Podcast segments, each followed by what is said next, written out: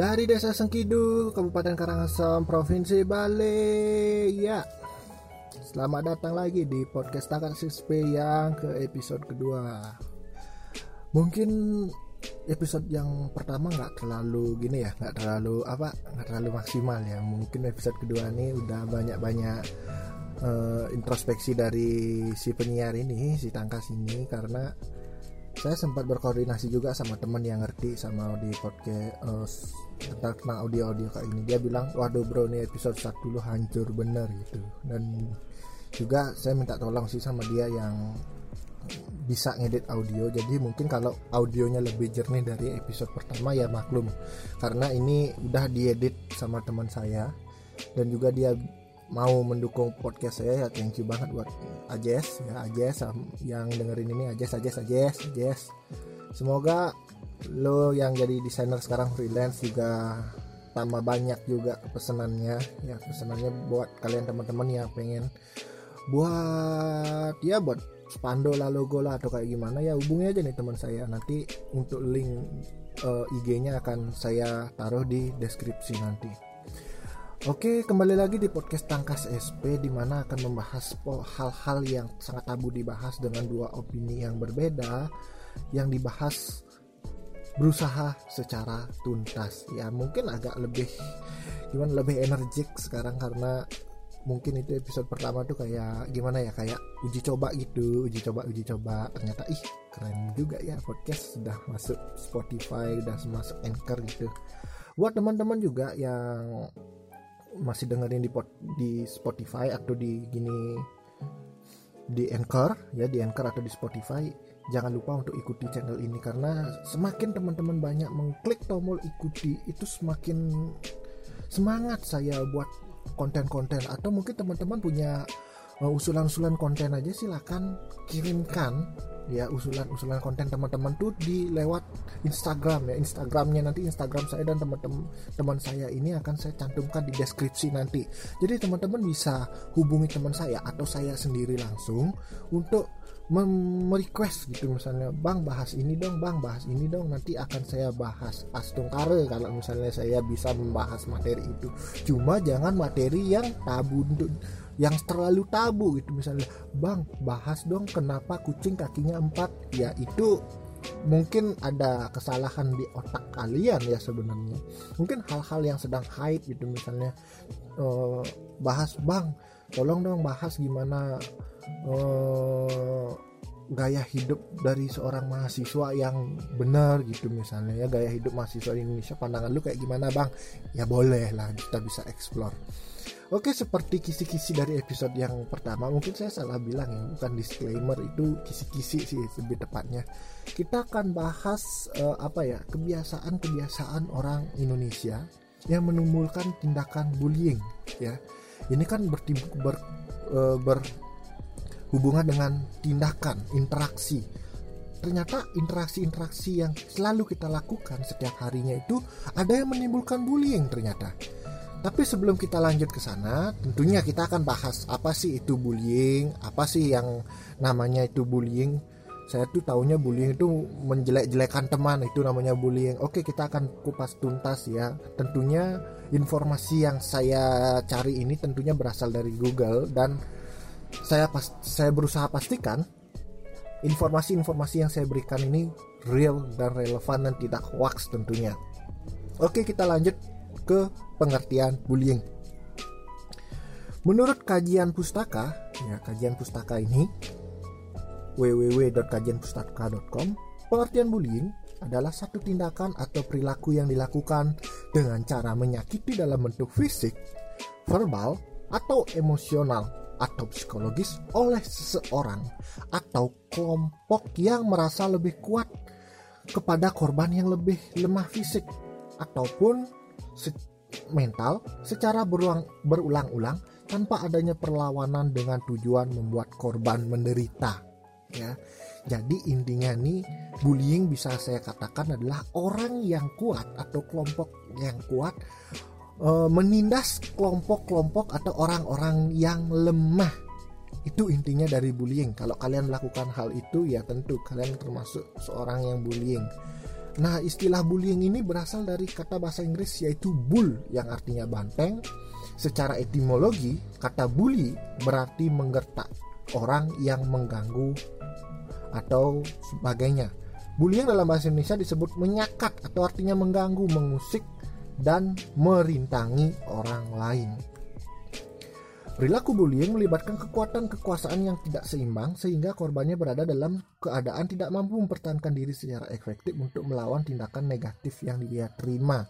Nah ini perilaku bullying ini melibatkan kekuatan atau uh, kekuasaan yang tidak seimbang. Makanya jarang kan bullying itu dua lawan dua, tiga lawan tiga. Kalau mereka seimbang ya pasti akan tawuran lah biasanya bullying ini pas tiga lawan satu dua lawan satu bahkan yang lebih barbar pun ada yang 10 lawan satu itu misalnya. Itu yang termasuk tindakan bullying karena mengintimidasi orang yang kuat mengintimidasi yang lemah. Maksudnya orang yang kuat ini mengintimidasi orang yang lemah seperti itu. Oke di sini ada unsur-unsur bullying juga ada ada unsur-unsur bullying menurut Coloroso tahun 2006 terdapat empat unsur dalam perilaku bullying kepada seseorang, yaitu sebagai berikut. Yang pertama, ketidakseimbangan kekuatan. Pelaku bullying dapat saja orang yang lebih tua, lebih besar, lebih kuat, lebih mahir secara verbal, lebih tinggi dalam status sosial, berasal dari ras yang berbeda, ataupun tidak berjenis kelamin yang sama, sejumlah kelompok anak-anak yang melakukan bullying dapat menciptakan ketidakseimbangan. Memang benar ketidakseimbangan kekuatan ini sebagian besar menimbulkan bullying memang. Seperti contoh kan orang senior membuli juniornya secara kan mereka lebih dewasa daripada si junior junior ini ataupun yang lebih besar dari membuli uh, yang lebih kecil atau misalnya orang-orang yang berbadan suspek itu yang lebih ganteng membuli-bully yang jelek gitu misalnya. Kan memang kasus-kasus bullying itu seperti itu. Atau enggak dia uh, memiliki berasal dari ras yang berbeda gitu. Misalnya contoh ya seperti kalau misalnya kamu ke Cina gitu misalnya ya ke Cina itu pasti ya kamu menjadi ras Indonesia ya ke kemungkinan besar akan bullyingnya itu semakin tinggi gitu. Misalnya seperti contoh di film Karate Kid ya Karate Kid dia uh, si pemeran utamanya ini pindah ke Cina ya dia dibullying sama orang-orang sana. Seperti itu. Kemudian yang kedua niat untuk mencederai. Bullying berarti menyebabkan kepedihan emosional dan luka dan atau luka fisik. Memerlukan tindakan niat untuk dapat melukai dan menimbulkan rasa senang di hati sang pelaku saat menyaksikan luka tersebut. Ya benar. Bullying itu bukan berarti biar orang ini mentalnya naik itu jarang biasanya ya. Ini biasanya dijadikan kedok-kedok aja itu seperti itu. Biasanya seorang bullying ini tujuannya untuk melukai hati seseorang. Biasanya ya biasanya. Contohnya adalah ketika seorang oh, geng ini geng perempuan itu satu orangnya nih cowoknya dia bilang cowok gue direbut nih sama si cewek yang namanya A. Ya tentu saja geng-geng ini akan membuat si cowok cewek A ini gimana caranya dia terluka dan biar kapok gitu istilahnya. Makanya di sini ada niat untuk mencederai, mencederai yang timbul ya. Kemudian yang ketiga adalah ancaman agresi lebih lanjut. Baik pihak pelaku maupun pihak korban mengetahui bahwa bullying dapat dan kemungkinan akan terjadi kembali. Bullying tidak dimaksudkan sebagai peristiwa yang terjadi sekali saja. Benar sekali. Biasanya pelaku-pelaku bullying ini akan terus-menerus melakukan bullying untuk menjaga eksistensi mereka. Mungkin hari ini mereka akan bullying, besok juga mereka akan seperti itu, hari ke, uh, hari ketiga mereka seperti itu untuk menjaga eksistensi mereka supaya mereka tetap ditakuti nih sama si korban. Jangan sampai si korban ini berani itu sama si pelaku-pelaku bullying ini maka dia akan terus melakukan mm, terus menerus itu mengulangi lah mengulangi dari hari ke hari. Bahkan banyak kejadian yang semakin hari itu semakin parah bullyingnya ya. Dan yang terakhir teror. Bullying adalah kekerasan sistematik yang digunakan untuk mengintimidasi dan memelihara dominasi Teror yang menusuk tepat di jantung korban bukan hanya merupakan ca sebuah cara untuk mencapai suatu tindakan bullying, teror itulah yang merupakan tujuan dari tindakan bullying tersebut. Ya, tentu adanya teror. Mungkin ya seperti contoh yang tadi yang si A ini uh, dibully gitu sama kelompok-kelompok besar ya tentunya harus ada menimbulkan teror itu misalnya contoh si A nggak mau dekat-dekat lagi sama si cowok karena merasa diteror sama si kelompok-kelompok cewek-cewek ini tentunya ya kemudian jenis dan bentuk bullying nah setelah tadi kan uh, unsur-unsur bullying tuh. Sekarang jenis dan bentuk bullying. Oke, mungkin teman-teman merasa tadi agak lebih cepat ya. Oke, saya pelan-pelanin deh, saya pelan-pelanin. Saya pelan-pelanin biar teman-teman agak ngerti juga. Jenis dan bentuk bullying. Ini menurut Coloroso tahun 2006, perilaku bullying dapat dikelompokkan menjadi empat bentuk, yaitu A. Bullying secara verbal. Bullying dapat bentuk verbal adalah sorry, ralat bullying dalam bentuk verbal adalah bullying yang paling sering dan mudah dilakukan. Bullying ini biasanya menjadi awal dari pelaku bullying yang lainnya. Perilaku maksudnya, serta dapat menjadi langkah pertama menuju pada kekerasan yang lebih lanjut. Contoh bullying secara verbal antara lain yaitu julukan nama, celaan, fitnah, kritikan kejam, penghinaan, pernyataan-pernyataan pelecehan seksual, teror, surat-surat yang mengintimidasi, tuduhan-tuduhan yang tidak benar, kasak kusuk yang keji dan keliru, gosip dan sebagainya. Ya. Itu bullying secara verbalnya ya bullying secara verbalnya itu seperti itu. Jadi buat kalian yang mungkin saya juga kaget juga sih melihat artikel ini ternyata ada julukan nama. Jujur saya sama teman-teman tuh sering uh, ngasih-ngasih julukan nama. Itu misalnya contoh uh, bahkan juluk julukan nama saya ini agak-agak mainstream aja gitu mainstream aja. Seperti contoh saya punya teman uh, dia tuh golongan Brahman Brahmana Brahmana itu saya panggil dia karena namanya ada gedenya saya bilang saya panggil dia pedanda gede itu misalnya. Ya karena emang itu menjadi ciri khasnya dia seorang Brahma. Dia adalah dari golongan kasta Brahmana kemudian namanya ada gede jadi saya bilang pedanda gede itu misalnya. Tapi niat saya sih nggak ada mau melecehkan dia. Dia juga it's okay aja manggil manggil manggil manggil saya juga dengan kadang-kadang dengan konotasi konotasi yang negatif juga seperti itu. Ya seperti contoh uh, pelecehan seksual, teror, surat-surat ya. Mungkin yang tak yang surat-surat ini udah nggak zaman juga ya. Mungkin yang zaman-zaman dulu masih dengan surat-surat yang mengintimidasi mengintimidasi seperti itu. Tuduhan-tuduhan yang tidak benar kasak kusuk yang keji keliru gosip. Nah ini gosip gosip. Buat yang cewek-cewek yang cewek-cewek ya tolong anda kalau bergosip itu ternyata anda juga termasuk pelaku bullying ya tindakan anda tuh tindakan bullying juga kalau misalnya anda ngegosip. Oke itu adalah bullying secara verbal. Bullying secara fisik. Bullying ini tampak paling tampak dan mudah untuk diidentifikasi. Namun kejadian bullying secara fisik tidak sebanyak bullying dalam bentuk lain. Remaja yang secara teratur melakukan bullying dalam bentuk fisik kerap merupakan remaja yang paling bermasalah dan cenderung akan berdalih pada tindakan-tindakan kriminal yang lebih lanjut. Contoh bullying secara fisik adalah memukuli, menendang, menampar, mencekik, menggigit, mencakar, meludahi, dan merusak secara serta menghancurkan, maaf, serta menghancurkan barang-barang milik anak yang tertindas dan lain-lainnya. Waduh, bullying secara fisik ini udah keterlaluan sih menurut saya. Apalagi ini ada menggigit itu. Menggigit lo bayangkan lo oh manusia menggigit manusia itu yang ngebully kanibal apa gimana? Sampai menggigit itu. Mungkin ya memukuli menendang menampar mencakar tuh masih sering lah saya lihat-lihat seperti itu. Bullying secara fisik. Bukan saya bukan berarti saya gimana ya secara memang saya pernah lihat bullying itu sendiri makanya saya tertarik dengan kasus kasus bullying ini seperti ini itu bullying itu apa sih sebenarnya? Walaupun hype hype nya tren trennya itu akhir akhir ini. Kemudian secara C ini bullying secara relasional.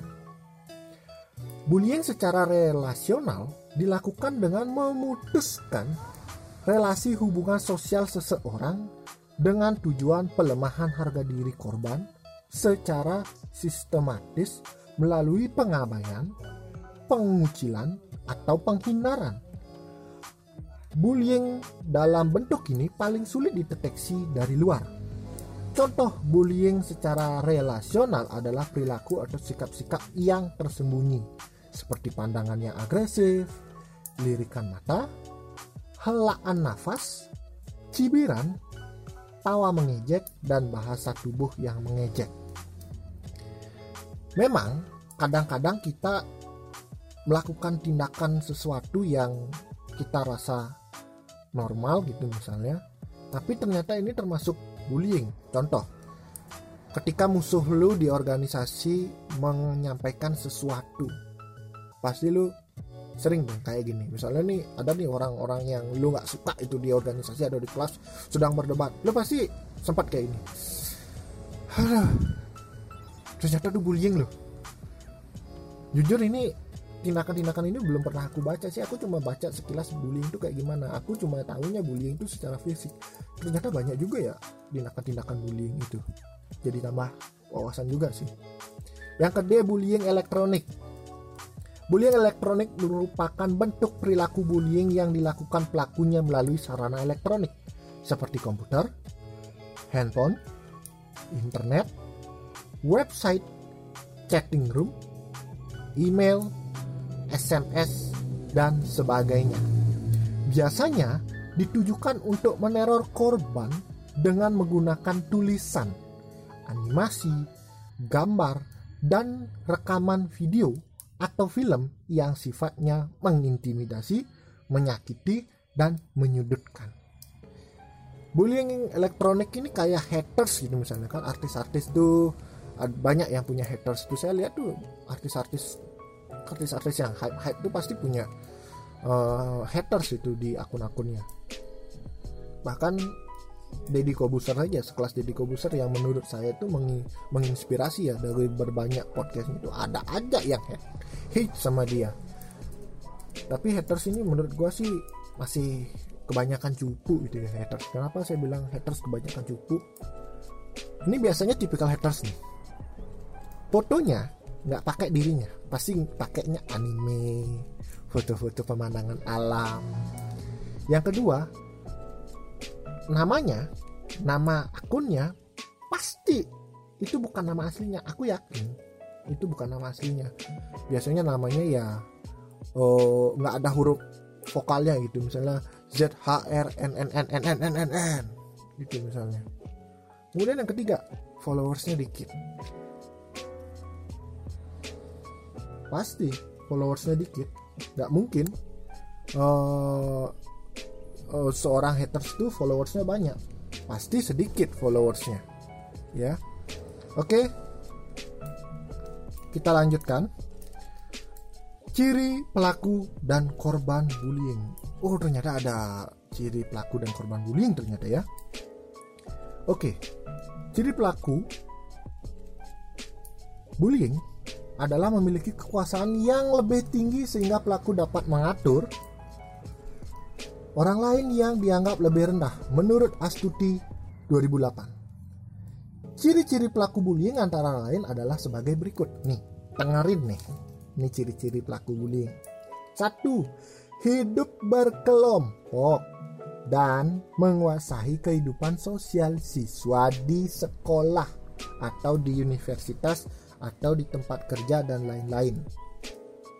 Jadi, buat kalian yang mempunyai kelompok, geng, ya nggak salah sih sebenarnya. Cuma kalau misalnya kelompok-kelompok itu lebih positif aja lah. Jangan sampai bullying-bullying itu, aduh ngapain sih? Kemudian yang kedua, menempatkan diri di tempat tertentu di sekolah atau sekitarnya yang punya tempat tongkrongan di sekolah. Udah berkelompok. Ya tempat punya tempat tongkrongan di sekolah biasanya kantin. Ya di pojokan-pojokan kantin itu biasanya atau enggak di parkiran-parkiran mana gitu misalnya atau enggak hmm? sorry sorry sorry. Ada kesalahan teknis tadi. Oke kita lanjut aja ciri ciri pelaku ya yang ketiga merupakan tokoh popul oh, yang kedua menempatkan diri yang tadi ya udah ya. Kemudian yang ketiga merupakan tokoh populer di sekolah. Nah ini tokoh populer di sekolah. Biasanya followersnya nih paling tinggi nih biasanya ya biasanya. Atau enggak followersnya paling tinggi atau enggak megang jabatan di organisasi kesiswaan. Nah nih toko populer nih pasti. Yang keempat Gerak-geriknya sering kali dapat ditandai, yaitu sering berjalan di depan, sengaja menabrak, berkata kasar, menyepelekan atau melecehkan. Berarti ini emang benar ya bullying itu ternyata sistematis berarti karena pasti ada pemimpinnya karena dari gerak-geriknya aja nih pasti pemimpin itu sering berjalan di depan, sengaja menabrak gitu kan. Kalau misalnya ini sengaja menabrak, kita nggak boleh seuzon dulu lah orang itu baru sengaja menabrak, eh dia pelaku bullying siapa tahu kan matanya minus atau gimana. Sedangkan menurut Susanto 2010, ciri-ciri korban bullying antara lain adalah sebagai berikut. Secara akademis, korban terlihat lebih tidak cerdas dari orang yang tidak menjadi korban atau sebaliknya. Ya, ditanai ya, ditanai. Terlihat lebih tidak cerdas. Itu artinya bisa aja korbannya ini memang orang-orang pinter. Kan banyak kan Eh, kasus-kasus uh, bullying tuh yang biasanya yang bodoh-bodoh nih yang bodoh-bodoh. Tapi gayanya nih yang selangit membuli orang-orang yang pinter. Cuma gayanya nggak terlalu lah nggak terlalu buat sensasi gitu misalnya kan. Karena bisa dipastikan orang-orang bodoh ini iri gitu sama orang-orang yang pinter ini ya. Karena orang-orang terle terlihat tidak cerdas. Padahal biasa aja cerdas. Mungkin yang nomor satu ini ya agak gimana gitu. Kemudian yang kedua secara sosial korban terlihat lebih memiliki hubungan yang erat dengan orang tua mereka. Biasanya seperti ini perilaku-laku bullying itu um, maksudnya korban-korban bullying itu nggak terlalu banyak punya teman di sekolah paling punya teman satu atau dua. Biasanya mereka jarang-jarang hang, hang out gitu kan bar berat pulang ke sekolah langsung langsung pulang ke rumahnya gitu kan. Kemudian yang ketiga secara mental atau perasaan Korban melihat diri mereka sendiri sebagai orang yang bodoh dan tidak berharga. Kepercayaan diri mereka rendah dan tingkat kecemasan sosial mereka tinggi. Kepercayaan diri mereka rendah ya jelas lah. Karena secara sosial pun mereka jarang bersosialisasi sudah memberikan pandangan mereka tuh kepercayaan dirinya rendah. Kadang kecemasan sosial mereka tinggi seperti contoh ketika mereka disuruh datang ke pesta ulang tahun orang-orang itu misalnya di tempat-tempat rame itu pesta ulang tahun pesta ini mereka nggak terlalu aktif. Mereka cenderung pasif dan berharap acara itu cepat selesai dan biasanya mereka nggak akan datang sendiri. Pasti mereka datang kalau nggak berdua bertiga itu misalnya. Yang keempat secara fisik. Korban adalah orang yang lemah. Korban laki-laki lebih sering mendapat siksaan secara langsung misalkan bullying fisik dibandingkan korban perempuan Korban perempuan lebih sering mendapat siksaan secara tidak langsung misalnya melalui kata-kata dan bullying verbal. Jadi bullying ini punya lingkarannya tersendiri. Kalau laki-laki itu jarang bullying pakai kata-kata. Mereka biasanya karena laki-laki terkesan berkekuatan itu misalnya ya mereka cenderung langsung uh, gimana ya mukul gitu misalnya. Sedangkan yang perempuan-perempuan ini uh, bullyingnya melalui kata-kata gitu misalnya Secara antar perorangan, walaupun korban sangat menginginkan penerimaan secara sosial, mereka jarang sekali untuk memulai kegiatan-kegiatan yang menjurus ke arah sosial. Anak korban bullying kurang diperhatikan oleh pembina karena korban tidak bersifat aktif dalam sebuah kegiatan. Ya, benar banget. Kadang-kadang guru-guru luput juga dengan kasus-kasus ini kan. Kemudian, peran skenario bullying. Menurut Salmi Fali, ya, ternyata ada skenario nya loh. Skenario bullying itu ada. Yang tadi itu ini ya. Oh ciri-cirinya udah lima. Yang terakhir tuh secara antar perorangan itu yang jarang mendapatkan pembinaan ya. Karena mereka gimana ya udah tidak aktif jarang bersosialisasi sehingga guru-guru tuh atau pembina-pembina di sana jarang mengetahui mereka. Ini orang kadang-kadang ya guru-guru tuh ketika ada kasus bullying terutama di sekolah-sekolah besar ini siswa sekolah di sini ya? Gitu misalnya karena ya secara logika aja sih sekolah besar banyak siswanya ya jelas banyak gangguannya tentunya. Kemudian tadi nih peranan skenario bullying menurut Salmi Fali yang tahun 2010 terdapat beberapa peran terjadi skenario bullying di sekolah yaitu sebagai berikut. Bully. Ada enam nih ada enam. Bully. Yaitu pelaku langsung bullying Siswa yang biasanya dikategorikan sebagai pemimpin, dia berinisiatif dan aktif terlibat dalam perilaku bullying. Nah, ini biasanya dia akan kayak gimana ya? Dia tuh aktif banget. Dia menjadi pemimpin, bahkan dia yang menginisiasi biasanya. Dia yang ngetukin, eh gangguin si A, yuk gangguin si B, yuk gangguin si C. Nah, ini yang disebut dengan bullying. Disebut dengan bully ya, mohon maaf. Ini yang disebut dengan bully. Ya kayak nama game sih. Bully, bully, bully, bully, bully. Dua, yang menjadi assisting the bully yaitu orang yang menemani temannya melakukan bullying. Dia juga terlibat aktif dalam perilaku bullying, namun ia bergantung mengikuti perintah bully. Nah, aku tahu nih, aku tahu. Kalau di sinetron, biasanya yang bully-bully orang tuh kan pasti ganjil. Kalau nggak tiga orang, lima orang. Itu misalnya kan ini sinetron SCTP coba lihat deh pelaku pelaku bully itu kalau nggak tiga orang lima orang. Jarang banget menampilkan empat orang. Ya itu pengalaman aku nonton SCTP kurang lebih dua tahun yang lalu karena akhir-akhir ini aku jarang nonton mereka. Karena ya itulah. I hate. Karena ceritanya gitu-gitu aja. Oke lanjut lanjut lanjut. Assisting the bully ini yang per, yang pemimpin kan disebut bully. Yang kedua orang di samping mereka yang di kiri sama di kanan tuh yaitu asisten bully ya mereka. Mereka yang membantu menga, uh, membantu si bully ini secara langsung. Bahkan mereka menerima perintah gitu misalnya. Wah kamu pegang ambil tasnya. Kamu uh, lu ambil bandonya ambil handphonenya. Gitu misalnya kan. Kemudian yang ketiga reinforcing the bully. Adalah mereka yang mendukung temannya melakukan bully ada ketika kejadian bully terjadi, ikut menyaksikan, menertawakan korban, memprovokasi bully, mengajak siswa lain untuk menonton dan sebagainya. Bisa dibilang tuh biasanya ya, biasanya di film-film tuh kan ada nih yang bully udah ada, assisting the bully udah ada. Yang ketiga nih biasanya dia nyeletuk, woi, si Adi bully, gitu misalnya, karena merasa dirinya dekat dengan si bully tuh, weh tontonin, tontonin, tontonin gitu misalnya. Itu termasuk gini ya. Kamu tuh termasuk di sana gitu. Kalau misalnya ada orang bully, eh nonton yuk, nonton yuk, ada orang dibully, ada orang dibully gitu misalnya. Ya. Kemudian yang keempat, defender adalah orang-orang yang berusaha membela atau membantu korban, tetapi sering kali mereka menjadi korban juga. Kalau biasanya yang ganteng, cantik di sinetron-sinetron yang kayak gitu kan yang ganteng, yang cantik, ya nggak akan dibully juga. Justru mereka si pembuli ini biasanya kabur gitu. Tapi kalau orangnya yang menjadi defender nih sekelas sama si korban ini ya mereka dia dibully gitu misalnya bahkan yang ngebully itu lebih banyak. Ini yang ketiga yang tadi reinforcing the bully ini biasanya mereka yang akan nyeletuk itu ah lu ikut ikutan aja. Nah si bully ini terinisiatif. Wah gua bully aja lu berdua. Kayak gitu. Kasihan juga sih defender kayaknya 50-50 gitu. Kemudian yang kelima outsider.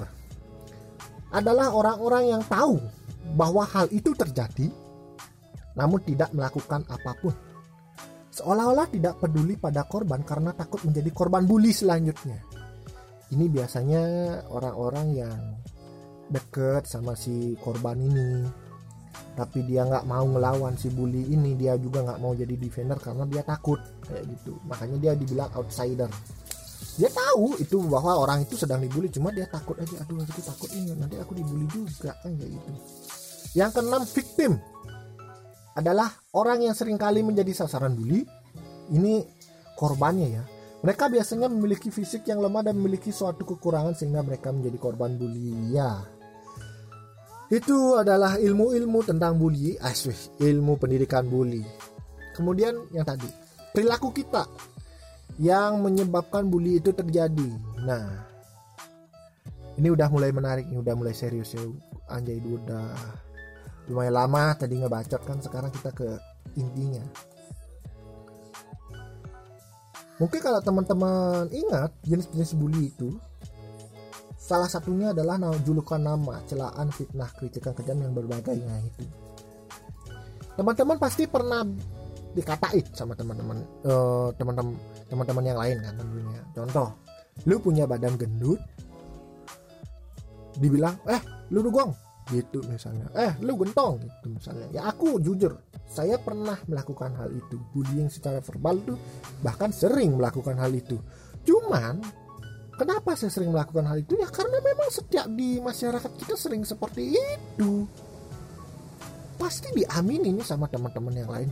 Contoh contoh ya contoh bullying secara verbal ini ya uh, julukan nama tuh kayak misalnya si krempeng lah si tokek lah si pincang lah ternyata itu termasuk bullying loh. Jadi kalau menghilangkan bullying di Indonesia ini susah sebenarnya karena itu udah termasuk ke pergaulan kita sehari-hari. Lagi pula ya menurut saya, menurut saya bullying ini kalau uh, diterapkan secara secara baik bagus kok jadinya. Iya serius, bagus jadinya. Kita bahas lagi selanjutnya ya. Kemudian celaan, fitnah, kritikan kejam menghinaan pernyataan-pernyataan pelecehan seksual. Nah, pernyataan-pernyataan pelecehan seksual. Kita pasti udah tahu nih, pelecehan-pelecehan seksual tuh sering terjadi walaupun sebatas verbal aja. Misalnya contoh, misalnya contoh. Tepos banget loh. Itu kan merujuk ke satu tempat yang harusnya nggak boleh dibahas ya kan. Tepos banget loh. Misalnya, eh badan lu gendut pasti titik lu kecil. Itu misalnya ya itu bullying loh bullying secara verbal saya nggak menyatakan bahwa ah lu ngejudge aja lu emang pelaku. Gue udah mengaku itu. Gue pernah melakukan hal itu cuma gue nggak tahu ini bullying secara verbal pun ternyata seperti itu. Gosipnya ini aku penasaran gitu bullying secara verbal. Gosip lambe turah itu artinya bullying dong. Kan gosip kan? Dia menyebarkan gosip entertainment entertainment itu kan menyebarkan gosip. Ternyata bullying secara verbal ini masih gitu. Dan juga kita harus amini di luar sana tuh banyak gosip-gosip kan misalnya contoh nih contoh contoh. Uh, lu itu misalnya lu tiba-tiba bawa motor baru. Tiba-tiba nih bawa motor baru. Tetangga lu nggak tahu lu udah kerja. Misalnya gue ulang ya lu udah kerja cuma tetangga lu nggak tahu nih. Tetangga lu nggak tahu. Kemudian lu beli motor. Nah lu beli motor motornya datang tetangga lu tuh pasti gegosip. Eh kok si tangkas beli motor ya? Perasaan baru kerja sebulan dua bulan. Eh jangan-jangan dia tuh ngutang kali motor ya? Ih gak banget deh. Sebulan dua bulan kerja masih ngudang ngutang aja motor itu misalnya. Ya harusnya kan itu udah terjadi. Sering bahkan terjadi di masyarakat. Dan itu ada pembiaran. Dan bahkan ditimpali kan ditimpalin oh, iya ya kayak gitu kayak gitu kayak gitu. Nyebar tuh gosip ke kiri ke kanan. Gue kasih tahu ya sama kalian-kalian kalau gosip kalian udah sampai pasar pasar ya pasar nih pasar pasar atau di warung-warung jangan harap gosip kalian nggak akan kesebar. Sekali lagi jangan harap gosip kalian nggak kesebar. Kalau sampai si penjaga warung tuh cempleng itu keluar kata-kata, eh kamu beli motor baru ya? Perasaan kamu udah satu bu, baru satu bulan beli kerja, kok bisa beli motor? Itu udah ada yang ngosipin kamu, ya. Ini artinya kan budaya budaya kita, kebiasaan hidup kita tuh udah berkutat sama bullying dan juga berlindungnya apa cuma basa-basi doang kok cuma bercanda aja kok. Ketika kita disebut woi krempeng itu misalnya kita nggak terima nih wah lu bully. Ha elah basa-basi doang. Basa-basi loh. Jujur ya hari uh, saat-saat ini aku lebih cenderung nggak basa-basi sama seseorang ya terkecuali ya terkecuali orang itu udah dekat sama aku ya aku basa basiin pak ya pak tuh pak d. Dan juga orang itu sering berkomunikasi sama aku ya oke okay, aku basa basi cuma orang yang jarang berkomunikasi sama aku ya aku jarang banget berbahasa basi sama mereka bukan menutup diri ya. Cuma ya takut kejadian-kejadian salah ngomong itu kejadian kayak gitu kan kan berabe urusannya. Kemudian kemudian uh, bullying secara relasional. Nah ini. Ini biasanya kayak gimana ya? Mohon maaf ini bukan merendahkan derajat seseorang tapi sebagian besar pelakunya yang ku tahu itu adalah cewek-cewek cewek-cewek men. Serius men cewek-cewek. Karena jujur gue sempat bermas gue sering banget bermasalah sama senior senior yang cewek bullying mereka. Ya kayak gitu. Lirikan mata lah gitu misalnya. Ketika kita lewat dilihat sekejap langsung buang muka. Cuing! Kayak gitu. Helaan napas kayak gitu kan. Misalnya ya kayak ya sama seperti yang tadi aku bilang itu ketika kita mau ngomong sesuatu gitu di kelas di organisasi pasti ada aja nih kampret kampret ya yang kayak gini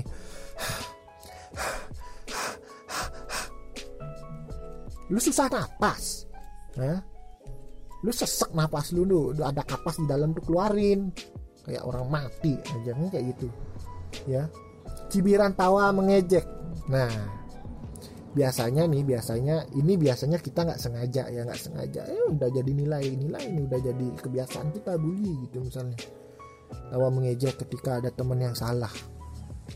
Dia ke depan dipanggil sama gurunya anggap aja namanya Anto. Anto kerja ini nomor 10 2 tambah 2 tambah 2 kali 0 tambah 2 tambah 3 tambah 4 tambah 5 kali 6 kali 7 kali 8 berapa?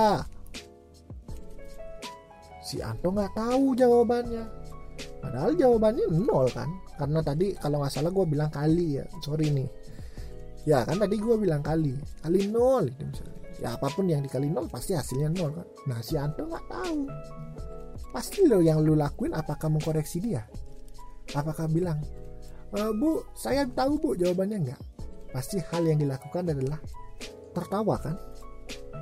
Ya Anto masa itu aja nggak bisa? Ya kan? Sering kan kayak gitu kan? Karena dari SD kita seperti itu. Sorakianto hu anak kecil loh anak kecil ini anak kelas 2, kelas 3, kelas 4, kelas 5 mereka nggak tahu nih bully itu apa. Cuma guru-guru aja yang mereka ngajarin sorakin nanto. Huh. aduh. Gue miris sih liatnya. Ternyata bully itu udah menjadi kebiasaan kita. Itu pendapat saya ya jangan anda bilang oh, ini pendapatnya itu pendapat saya murni. Saya juga nggak menjelaskan saya mohon maaf juga nggak menjelekkan guru. Saya sebut oknum-oknum guru ya. Itu merujuk ke oknum-oknum guru bukan menjelekkan guru. Kemudian yang tadi saya pernah saya juga bilang di awal bully itu bisa membangun. Ya benar. Saya amin itu. Bully itu memang bisa membangun. Contoh saya ingat betul saya punya guru yang namanya Bapak Oyan Sandro beliau asal dari Nis ya dari Nis itu desa di Kecamatan Manggis Kabupaten Karangasem juga. Istilahnya desa tetangga gitu. Beliau ini gurunya galak bener. Galak bener ya. Emang pada saat itu kan belum terlalu terkenal tuh bullying tuh kayak gimana. Kita nggak tahu juga itu bullying tuh seperti apa. Suatu saat ketika saya lomba saya dididik, dididik sama beliau dan berkat didikan beliau pun saya pernah lomba. Juara kecamatan pernah juara antar SD juga pernah dan ke kabupaten pun hasilnya lumayan memuaskan juga. Dan tahu gimana caranya beliau mendidik? Beliau mendidiknya dengan cara mengintimidasi. Kenapa saya bilang seperti itu? Ketika kita nggak hafal dengan teks yang beliau berikan uh jangan tanya gimana kata-kata yang keluar dari mulut beliau. Kita bisa dimaki habis-habisan sama beliau karena seperti itu. Sehingga kita eh, mahasiswa-siswa itu berstimulan seperti saya. Saya berkeinginan kalau saya ketemu sama guru-guru ini saya harus hafal tidak teksnya. Saya harus hafal. Apa pun yang diberikan sama beliau saya harus hafal. Kemudian ketika kita udah hafal teks nah teksnya diambil sama beliau. Kita mesatu di oh, kalau dulu ya lomba bercerita itu namanya lomba mesatu yang beliau bina juga. Kita berada di depan beliau. Kita mesatu di depan beliau. Tahu beliau seperti apa? Meru- membuat tindakan-tindakan yang mengganggu mengintimidasi lagi. Contohnya menjelek-jelekkan kita gitu misalnya. Ketika saya satu itu ajar eh, dalam bukan bergidi gugup gitulah. Gugup? Tahu beliau katanya apa? Gugup. Duduk aja jangan ikut lomba. Kata-kata beliau tuh kayak gitu. Bahkan beliau nggak jarang tuh di, saya diketawain ya. Nah itu pertengahan lomba nih habis hafal teks beliau seperti itu. Mendekati mendekati lomba kurang lebih seminggu atau dua minggu ngomong lomba saya latihan di depan guru-guru. Di ruang guru saya dimasukin kemudian pintunya itu kadang-kadang dikunci dan yang menyaksikan di dalam itu adalah guru-guru. Beliau nggak perlu ngomong panjang lebar lagi ayo sin maju silakan.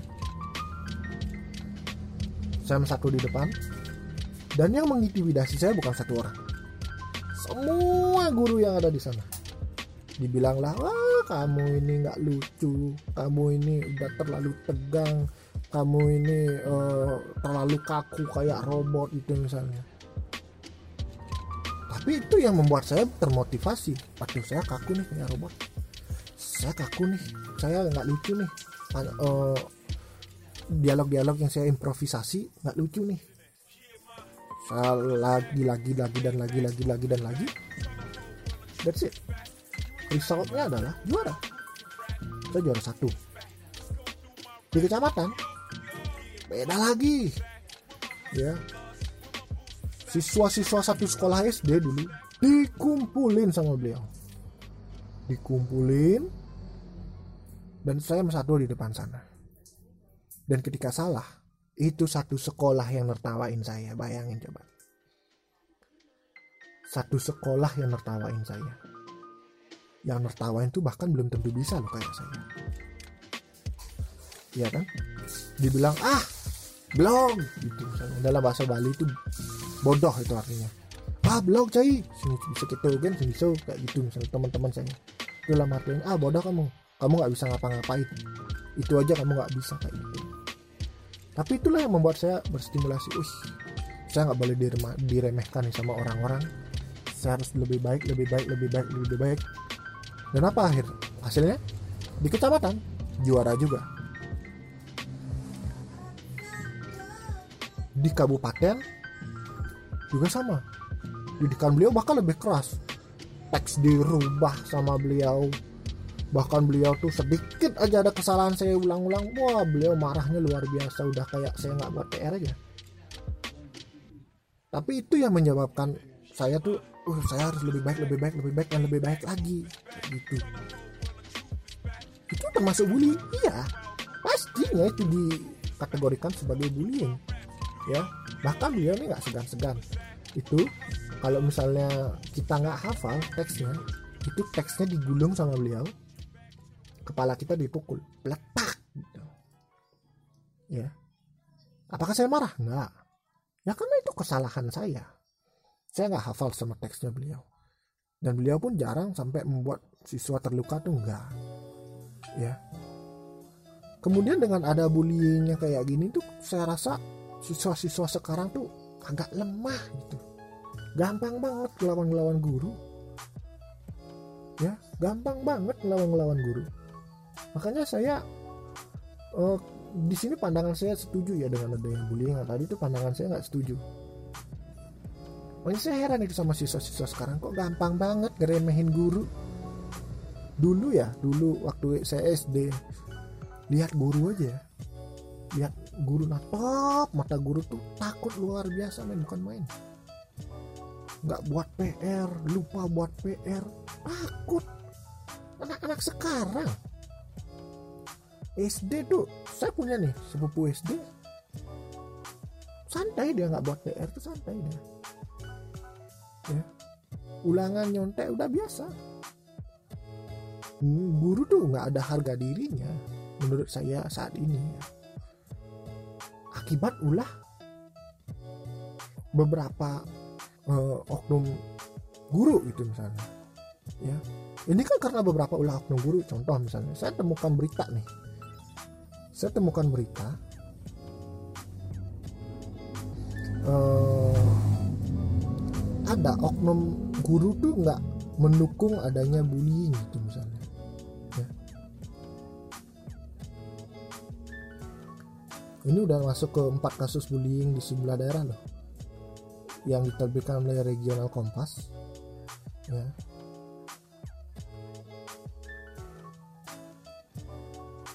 sebentar sebentar. Masih loading ya masih loading. Kembali lagi ke bullying sambil kita nunggu loading. Kasihan menurut saya para para guru sekarang. Mereka nggak punya uh, wibawa kayak yang dulu dulu gitu. Kalau dulu dulu guru punya wibawa banget punya wibawa banget. Mereka masuk kelas tuh masih kita masih tegang gitu. Wih guru masuk kelas nih gitu misalnya guru tuh butuh mencairkan beberapa menit suasana. Kalau gurunya bisa mencairkan suasana ya. Tapi sebagian besar zaman zaman dulu tuh beberapa oknum guru tuh masih nggak bisa mencairkan suasana. Ya mereka masuk tegang ya tegang aja. Ya. Oke udah mulai terbuka nih. Kita sambil bahas empat kasus ya empat kasus bullying ini nih ada bullying yang termasuk yang sampai ke patah tulang hidung. Ya. Bayangin coba. Patah tulang hidung loh sampai orangnya. Ini kejadiannya di Pekanbaru Riau berinisial FA menurut pengakuan FA ia dibully oleh teman-temannya di sekolah. Dia baru lima bulan sekolah di sana. Dia mengalami uh, patul uh, patah tulang hidung dan juga dia mengaku bahwa dirinya terjatuh Pelaku memukul korban dengan kayu bingkai foto. Ini udah keterlaluan banget nih menurut gua. Keterlaluan banget menurut gua. Ya. Kemudian tak terima, tak terima ya korban melapor ke polisi dan pelakunya itu ada yang M dan R. Dan yang kedua depresi berat. Ini yang paling menderita. Seriusan, sumpah. Kalau udah depresi anak kecil depresi itu susah recovery-nya. Seorang siswa SD negeri di Kecamatan Wirosari, Kabupaten Grobogan berinisial RS mengalami depresi berat usai, di, usai diduga menjadi korban perundungan oleh teman-temannya. Ironisnya RS dibully selama 2 tahun atau sejak dia duduk di bangku kelas 4 SD. Ya. Bayangin lu coba, 2 tahun dibully. Ya. Bayangin coba 2 tahun dibully.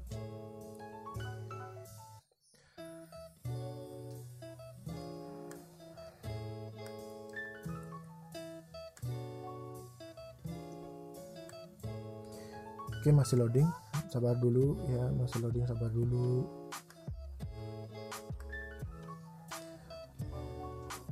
Pribadi RS berubah. Nah ini pribadi RS berubah. RS sering uh, mengurung diri di kamar dan lebih anti sosial gitu misalnya. Takut bertemu dengan orang-orang sehingga tidak mau bersekolah lagi Keluarganya pun menghabiskan banyak dana untuk memeriksakan kondisi psikis anaknya padahal hasil penghasilan mereka pas-pasan. Ayah RS bekerja sebagai buruh bangunan sedangkan ibunya seorang penjual kerupuk.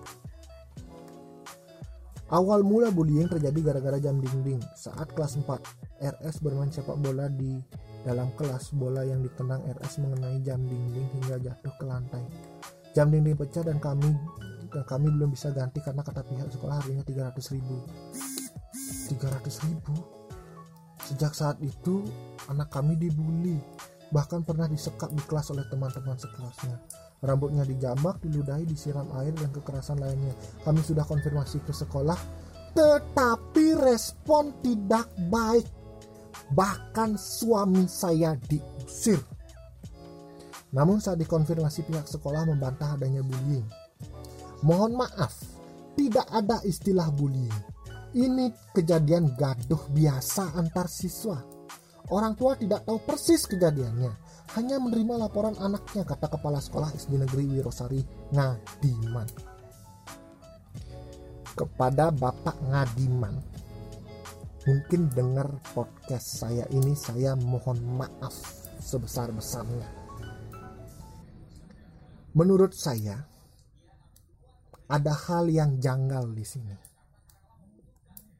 Jam dinding pecah dan kami belum bisa ganti harganya 300 ribu. Kenapa harus memasukkan harga 300 ribu? Jika berpatokan pada fungsi, kan ada jam dinding harganya 50 ribu, 25 ribu, atau bahkan kan bisa bapak memberikan hukuman kepada si anak gini ganti jam dindingnya dengan jam dinding yang berfungsi secara baik. Kalau bapak bilang istilah bullying nggak ada saya rasa bapak perlu baca buku lagi. Kasihan pak para guru-guru sekarang.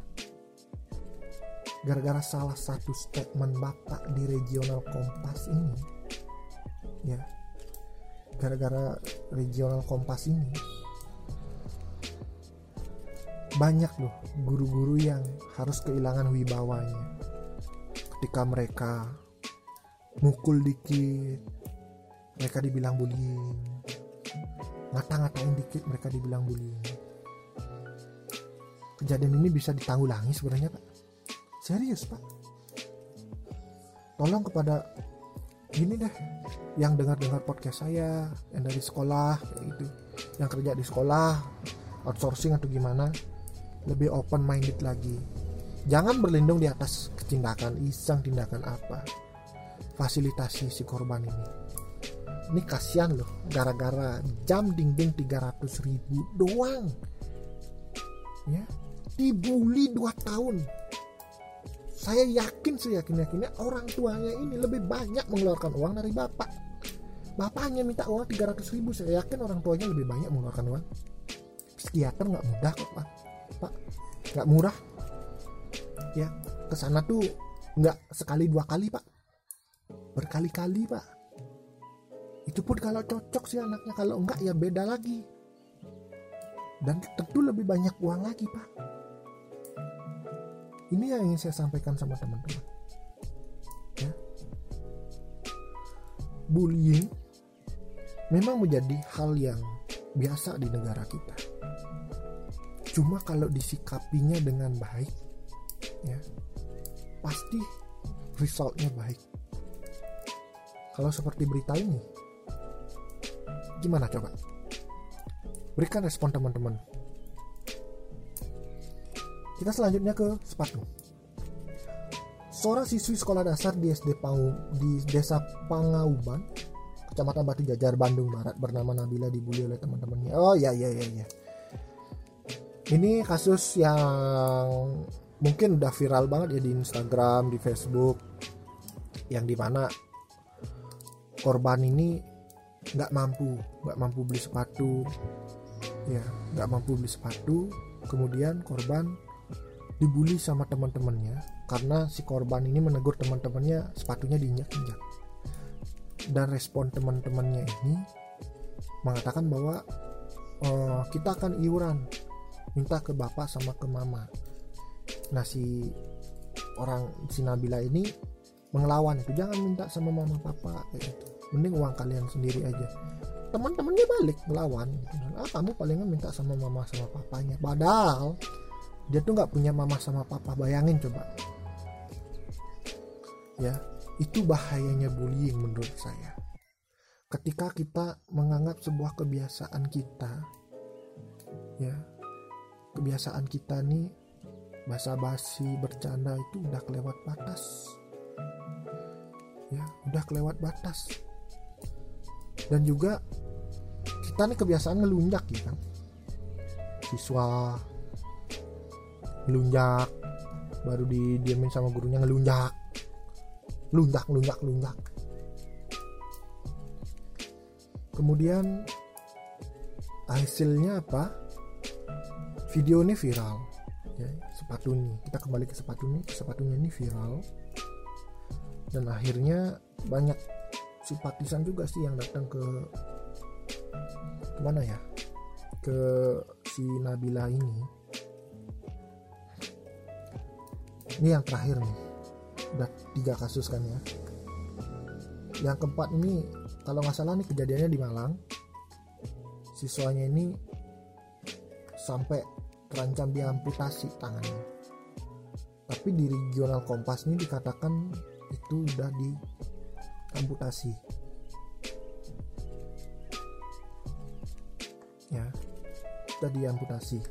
Saya nggak tahu juga kelanjutan kasusnya seperti apa. Ini dibulinya 15 orang loh diperiksa sama saksinya Polres uh, ini udah diperiksa sama Polres Malang. Bullying ini dilakukannya dengan diangkat beramai-ramai begitu terus dibanting ke paving. Astaga. Lu kira nih gulat gitu gulat smackdown tuh teman-teman lu di smackdown. Mengaku hanya bercanda. Nah nih nih. Mengaku hanya bercanda tujuh orang siswa rekan MS terancam hukuman pidana. Mampus lu. Mampus oke. Mungkin statement saya di pertengahan sebelum saya baca kasus ini saya bilang setuju nggak setujunya agak rancu. Cuma setelah membaca kasus ini bahasa basi saya rasa memang perlu sih. Dan menurut saya dengan memanggil nama-nama seperti itu bahasa basi memanggil nama panggilan itu artinya kan ada identitas. Artinya diingat sama orang-orang oh misalnya ketika ketemu sama saya si profesor gitu. Karena saya pakai kacamata. Ya udah orang-orang akan kenal dengan saya. Si profesor kenapa si profesor? Ya karena Cindy pakai kacamata. Seperti itu.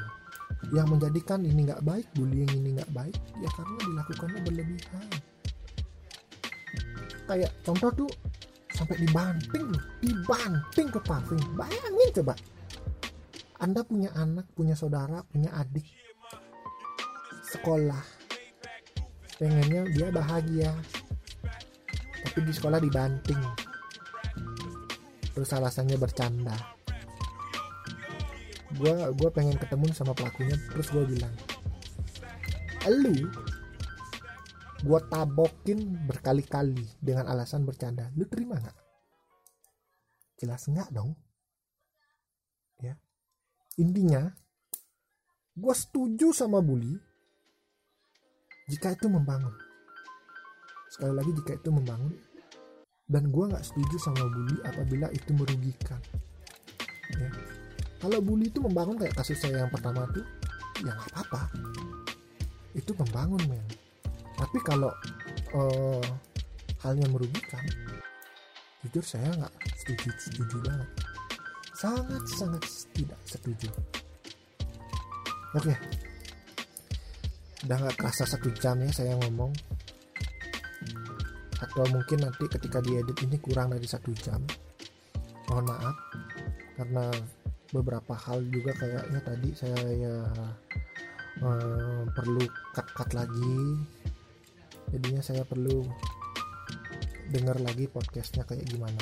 Supaya nggak kayak kejadian episode 1 banyak hal-hal yang miss kayak kayak gitu. Oke sekian podcast dari saya Tangkas SP intinya saya setuju dengan bully apabila bully itu membangun bisa membentuk karakter orang dan bermanfaat bagi ke depannya. Tapi saya nggak akan setuju dengan bully apabila itu udah keterlaluan merugikan orang apalagi sampai psikis orang terserang atau terluka. Ya karena manusia tuh beda-beda. Ada yang bisa menerima bully ada yang bisa ada yang nggak bisa menerima jadi unsur-unsur yang terlibat di sini sangat banyak sekali, mulai dari keluarga, ayah dan ibu, mulai dari eh, guru-guru uh, juga yang di sekolah, tolong. Ya jangan sampai seperti bapak kepala sekolah yang tadi yang tidak ada namanya bullying ya. Padahal memang sih itu susah banget dilacak. Cuma kasihan kan anak-anaknya tuh dua tahun loh mereka dibully hanya karena jam 300 ribu. Saya harap guru-guru bisa lebih bijak lagi mengambil kebijaksanaan. Jangan terlalu kaku lah. Kita ini negara Indonesia bukan belum terlalu maju-maju banget. Ada yang nggak nggak bisa ada yang nggak mampu itu misalnya ya kebijaksanaan dari bapak para kepala sekolah aja sih. Kemudian yang terakhir adalah masyarakat. Masyarakat di sini berperan penting dalam pemberantasan bully yang merugikan ya. Bully-bully yang merugikan seperti ini ya. Jangan sampai juga bercanda boleh cuma jangan keterlaluan dan jangan sampai juga uh, menimbulkan hal-hal yang negatif. Saran saya sih kalau misalnya teman-teman ingin bercanda mengata-ngatai orang tuh ya kalau misalnya orang itu nggak terima ya jangan diterusin aja. Misalnya contoh dibilang eh si kurus lu gitu misalnya ya kalau nggak terima ya kan kita nasi orang yang kurus gitu misalnya kalau di Bali kalau misalnya kita translate ke bahasa Indonesia apa maksudmu bilang saya saya kurus tuh kayak gitu? Ya jangan dilanjutin. Cukup hari itu juga dan langsung aja minta maaf. Apa salahnya sih minta maaf? Jangan berlindung dalam hal ber ah aku bercanda kok. Oh, gue cuma basa-basi bas ke uh, terlalu berlebihan. Lu jangan. Kalau misalnya dia nggak terima ya udah minta maaf aja. Lebih baik mengalah kan daripada kasusnya ini panjang dan juga untuk teman-teman yang saat ini sedang melakukan yang menjadi pelaku bullying bully-bully ya. Bully yang merugikan ya termasuk mengintimidasi atau halnya. Stop. Stop banget. Ya lebih baik teman-teman introspeksi diri dulu aja lah. Ya introspeksi diri dulu siapa tahu kan siapa tahu. Mungkin teman-teman bisa berteman dengan dia kan apa gini buat apa sih bully-bully yang merugikan kayak gitu? Ngebanting-banting teman gitu kan kemudian yang kedua untuk orang-orang yang saat ini jadi korban bullying semangat. Hidup lu bukan tentang para pelaku bullying doang. Hidup lu itu tentang lu. Lu yang pegang bu lu yang megang kehidupan lu. Bukan orang lain. Jadi kalau lu dibully ya anggap orang itu nggak mampu kayak lu. Lu punya kelebihan sama mereka. Dan kemudian untuk orang-orang yang udah dengerin dengar dengar dengerin podcast ini yang mungkin dulu kenal dengan saya yang dengerin ini yang pernah saya bully yang pernah saya ya intimi oh yang saya pernah kata-katain lah ya. Saya mohon maaf mohon maaf nih congor-congor nih congor udah sensitif banget yang kayak gitu kan. Tinggal ceplos aja. Mungkin dengan ilmu yang bertambah pada saat podcast ini bisa membuat pikiran saya tercerahkan lah ya dan juga buat teman-teman yang haters haters itu buat apa sih? Mungkin kita ngambil kerjaan positif aja. Kalau teman-teman jadi haters toh teman-teman nggak akan bakal menyamai artis tersebut ya kan? Lebih baik teman-teman berkarya buat podcast itu misalnya buat akun YouTube. Kan siapa tahu dapat adsense. Daripada ngirim adsense orang kan kenapa nggak nyari adsense sendiri? Kan kayak gitu kan? Ya itu aja. Ya sekian podcast pada hari ini untuk episode ketiga untuk episode ketiga kita akan bahas mengenai media. Ya kita akan mengenai media elektronik yaitu televisi. Kita langsung aja ya judulnya itu kenapa YouTube lebih baik dari TV kayak lirik lagu YouTube YouTube YouTube lebih dari TV Kenapa YouTube lebih baik dari TV? Ya. Dan juga sekali lagi saya akan berikan pandangan saya uh, positif dan negatifnya seperti apa. Kenapa YouTube itu lebih baik dari TV? Kenapa TV lebih baik dari YouTube? Dan sebagai penutup, mohon maaf apabila ada kesalahan bicara, ada kesalahan tindakan yang mungkin merugikan, tidak ada niatan untuk menyinggung pihak mana pun. Ini hanya sebatas opini belaka dan ini hanya sebatas sebagai pengedukasi saja. Jangan sampai podcast ini dilakukan untuk mendasari gerakan-gerakan yang uh, niatnya merugikan orang lain. Saya Tangka Sindu Putra dari Desa Segitu Kecamatan Manggis Kabupaten Karangasem Bali. Terima kasih.